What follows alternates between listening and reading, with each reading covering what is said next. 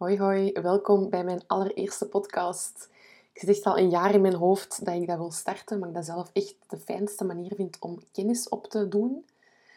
En dit jaar had ik tegen mezelf gezegd, vissers, je gaat dat gewoon doen. Dus hier zijn we dan. Ehm, ja, de allereerste. En vandaag ga ik het hebben over hoe dat jij die fear of failure, hoe dat je dat achter, kunt, achter je kunt laten. En dat jij wel gaat lanceren met je um, idee dat je hebt. Nu, de podcast gaat zo kort mogelijk zijn, omdat ik het zelf heel fijn vind ehm, ja, dat die niet te lang is en dat je dat gewoon tijdens een wandeling kunt beluisteren of tijdens een autorit. Dus ik heb een, mooie, een mooi scriptje hier naast mij staan dat ik zo goed mogelijk ga proberen te volgen en niet te veel ga uitwijken, um, zodat ik het echt zo kort mogelijk kan houden voor u. Vaak laten we ons verlammen door de gedachte als wat als ik de enige ben die dat dit idee geweldig vindt? Wat als niemand het gaat kopen? Gevolg, we doen niks. We gaan er niet mee aan de slag. We laten het idee stof vangen en we gaan verder zoals we bezig zijn. Want dat is lekker comfortabel, dat zorgt voor brood op de plank. Het marcheert, dus waarom zouden we ons kwetsbaar opstellen en iets nieuws proberen? Tot dan een concurrent of een collega met dat idee komt en je ziet het verdekken slagen. En je denkt, shit, ik had dat gewoon moeten doen. En ja, inderdaad, je had dat gewoon moeten doen. Maar ik snap volledig dat je je laat vangen door die angst om op je bakkes te gaan. Als ik het even op zijn campus mag zeggen. Maar daar gaan we vanaf nu mee stoppen. Vroeger tijdens de dansles, tijdens de les jazz, um, zei mijn juf altijd... Angst is iets dat je klein houdt. Het zorgt ervoor dat je niet all-in gaat, dat je niet gaat proberen, dat je jezelf niet volledig laat gaan of dat je je niet helemaal blootgeeft. En daar heb je niks aan. Angst is eigenlijk echt iets dat je in een klein balletje moet proppen en dat je de deur uit moet shotten. En dat is wat wij in deze podcast vandaag stap voor stap samen gaan doen. Het eerste wat we aan gaan pakken is de gedachte: wat als ik de enige ben die dat dit idee geweldig vindt? Uiteraard willen we altijd checken of dat ons idee wel levensvatbaar is. Zit daar effectief iemand op te wachten? En dat kun je simpelweg doen door interviews af te gaan nemen bij potentiële klanten. Dat klinkt zot eng, ik weet het. Ik ben ook iemand die dat ehm, ja, altijd heeft gestotterd, al heel haar leven lang. En babbeltjes doen ligt niet altijd in mijn aard. Maar het valt eigenlijk wel keigoed mee. Waarom? Omdat je dat in de eerste plaats gaat doen bij mensen die al een klein beetje fan zijn van wat jij doet. Dus in de eerste plaats gaat je op zoek gaan naar de mensen die dat al regelmatig een comment achterlaten bij je posts, die dat reageren op je stories, die dat wel eens een mailtje terugsturen als je een nieuwsbrief uitstuurt. Dat zijn eigenlijk de eerste mensen die dat je eens op gaat schrijven op een papier en waarbij je eens gaat denken van oké, vallen die in de doelgroep die dat ik voor ogen heb met mijn gloednieuw idee? Is het antwoord ja? Stuur die mensen dan een berichtje en zeg dat je op een nieuw idee zit te broeden. Dat je het zelf echt fantastisch vindt, maar dat je niet zo goed weet of dat anderen dat ook zo goed gaan vinden. Dat je het super fijn vindt dat zij al heel vaak je berichtjes sturen Um, of laten, laten weten dat ze het tof vinden wat, jij, wat jij doet. En dat je heel benieuwd bent wat dat zij erover gaan denken. Dan gaat je die persoon vragen van oké, mag ik je misschien eens een paar vraagjes stellen? Mag ik me juist af, aftasten wat dat je ervan vindt? Zegt die persoon ja, en 9 kansen van de 10 gaat dat ook effectief het geval zijn. Stel dan een aantal momenten voor om een videocall in te plannen. Vraag hun e-mail en bezorg na bevestiging via mail de link naar de videocall. Waarom niet gewoon de link van uw kalender delen, zodat ze zelf een moment in kunnen plannen? Omdat jij hier de vragende partij bent. Jij bent degene dat een babbeltje wil doen. Niet zij. Dus zorg er ook voor dat die persoon zelf geen actie moet ondernemen, maar dat jij hen het nodige bezorgt. Nu, idealiter plant je zo minimum drie babbeltjes in. Liefst van al zijn dat ook drie totaal verschillende mensen. Hoe verschillend dat ze zijn is een beetje afhankelijk van uw idee. Maar um, stel dat ik mijn deep dive cursus rond lanceren zou willen pitchen, dan zou ik drie verschillende soorten ondernemers op gesprek vragen, die dat een totaal andere job hebben. Bijvoorbeeld, in mijn geval zou het dan een copywriter zijn, een webdeveloper en een social media coach. Die zitten alle drie in mijn doelgroep, maar omdat hun job zo verschillend is, gaan ze vermoedelijk wel andere struikelblokken hebben. Bij mij uitziet dat nu in verschillende jobs, maar voor uw idee kan dat zijn dat die verschillende leeftijden hebben of uh, een verschillend niveau van kennis. Dat hangt echt super hard af van het idee dat je aan hen moet pitchen. Oké, dus de babbeltjes staan allemaal inge, ingepland. Um, maar wat voor vragen gaat je die persoon dan juist stellen? Je gaat sowieso niet starten met het pitchen van uw idee. Waarom niet? Omdat dan heel het gesprek daardoor beïnvloed gaat worden. Je wilt hen geen woorden in de mond leggen en je wilt ook niet dat zij sociaal wenselijk uh, op je vragen gaan antwoorden. Je wilt juist weten wat er in hun hoofd afspeelt. En daarom gaat je eerst verkennende vragen stellen. Vraag hen waar dat ze juist vastlopen, wat dat hen frustreert, wat dat ze graag willen bereiken, maar vooral ook waarom. Welke stappen dat ze zelf al hebben gezet of wat dat hen net blokkeert om, om zelfs nog maar één stap te zetten in de juiste richting. En dat schrijf je dan allemaal op. Liefst van al neemt je dat zelfs op, zodat je echt hun exacte woorden later ook gaat kunnen gebruiken in uw communicaties, zoals bijvoorbeeld uw sales page. Durf dus ook door te vragen. Merk je dat er iets gevoelig ligt, vraag dan waarom dat, dat zo is. Hoe meer dat jij een zicht krijgt op wat hun emotionele drijfveren zijn, hoe beter. Wat bedoel ik daar juist mee? Hoe meer dat jij op je salespagina of in je posts of in je mails, hoe specifieker dat jij een situatie kunt schetsen, dat jij kunt beschrijven hoe dat zij zich nu voelen, wat dat zij willen bereiken, hoe meer dat de persoon die dat, dat leest gaat denken van amai shit, die zit echt in mijn hoofd, die weet exact wat ik wil. En die biedt iets aan hoe dat ik dat kan bereiken. Dat is echt iets voor mij. En dat is echt wat je wilt dat, dat die personen gaan denken. Om een voorbeeld te geven, stel dat je nu een cursus maakt rond hoe dat mensen efficiënt kunnen werken. Dan wilt je niet alleen van je potentiële klant horen dat zij efficiënter willen werken, je wilt ook horen waarom dat zo is. Misschien spenderen ze nu veel te veel tijd aan hun werk en hebben ze het gevoel dat ze er niet genoeg kunnen zijn voor hun kindjes. Dat ze belangrijke momenten moeten missen. En dat ze dan eigenlijk stiekem hopen dat uw cursus ervoor gaat zorgen dat ze meer tijd kunnen vrijmaken en er dus ook meer voor hun kindjes kunnen zijn. Dat is dan ook effectief wat je op wilt schrijven en wat je dan later terug naar wilt kunnen verwijzen in je communicatie. Na die verkennende vragen, dan gaat je je idee pitchen. Je gaat kort vertellen wat dat juist inhoudt, maar je gaat vooral ook focussen op het resultaat dat uw klant gaat bereiken. Wat is de transformatie dat zij zullen ondergaan? Wat is het dat zij dankzij u gaan bereiken? Daarna vraag je aan die persoon wat ze van uw idee vinden. Of dat het iets is waar ze op aan het wachten zijn of niet. Nu, dan zijn er eigenlijk twee opties. Oftewel zit het babbeltje erop, zeg je gewoon dikke merci en gaat je verder. Oftewel stopt het daar niet en gaat je nog een samenwerking aan. Wat bedoel ik daarmee? Stel dat je in je gesprek merkt dat die persoon je idee ook fantastisch vindt.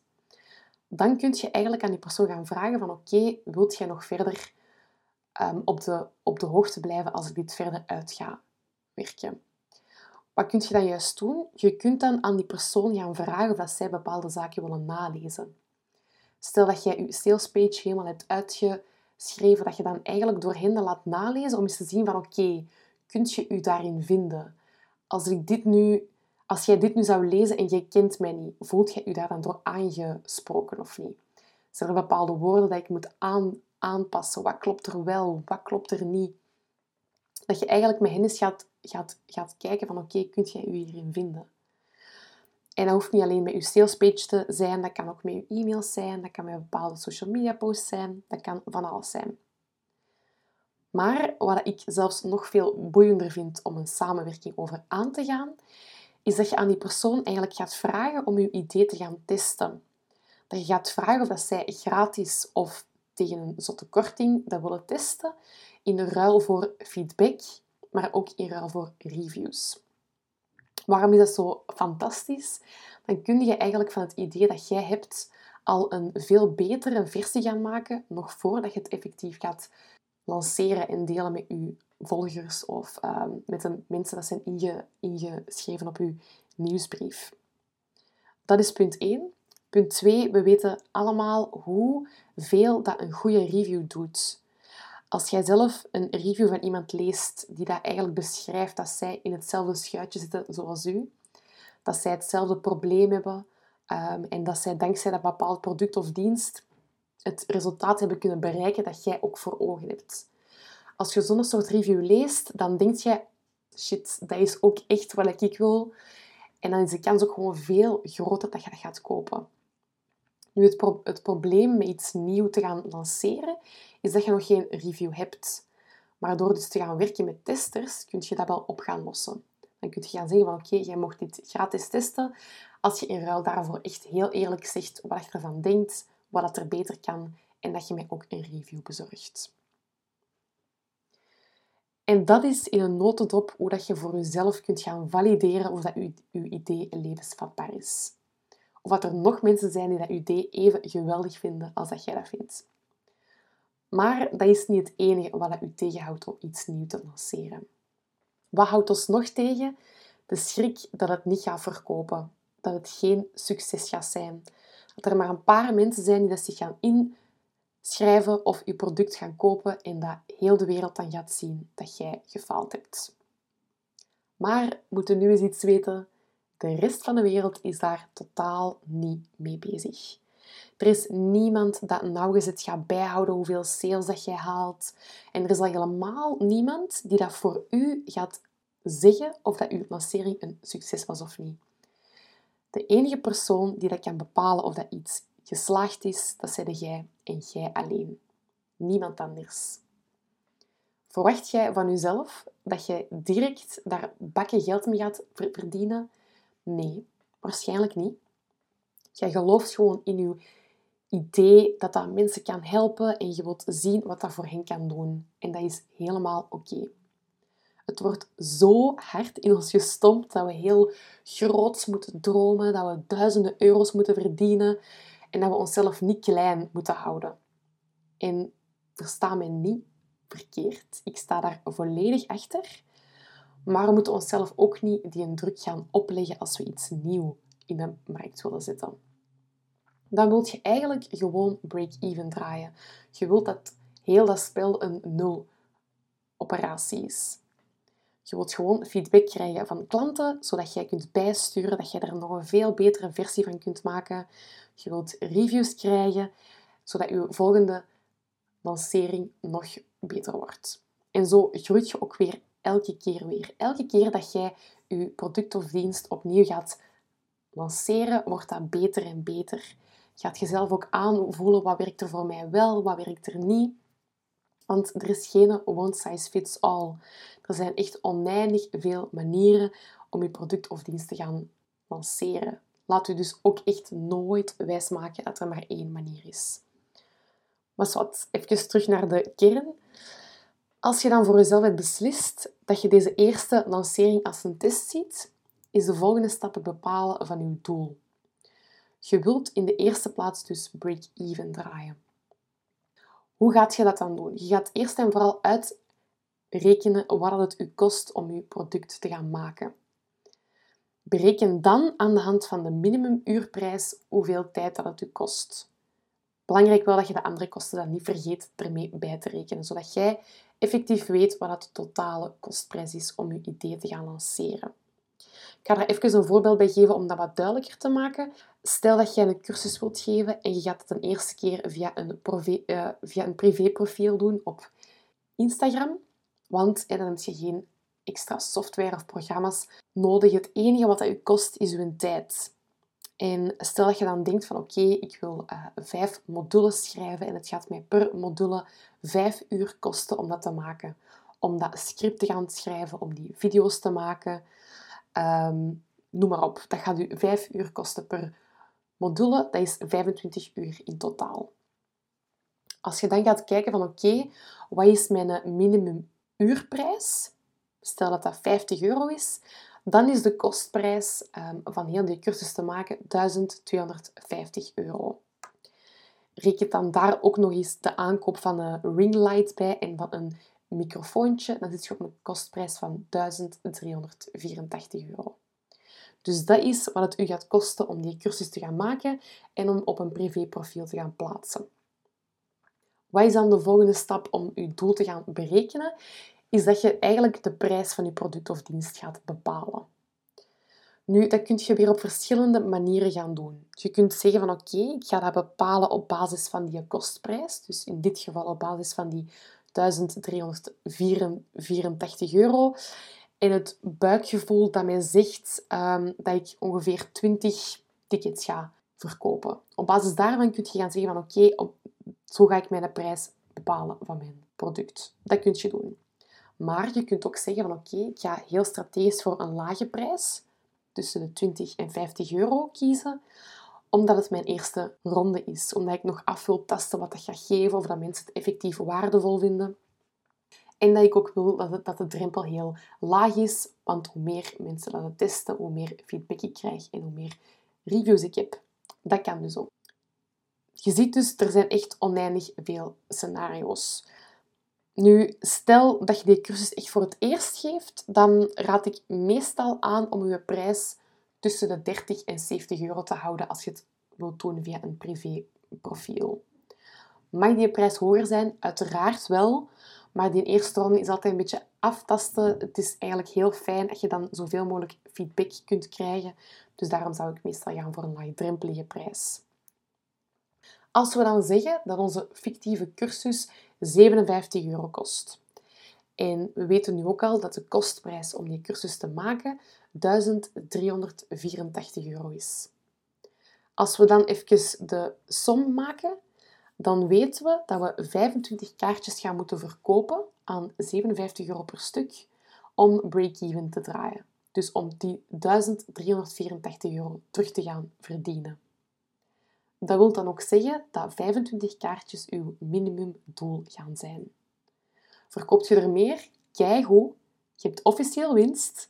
Maar in die eerste ronde gaan we vooral al blij zijn met die 25 klanten.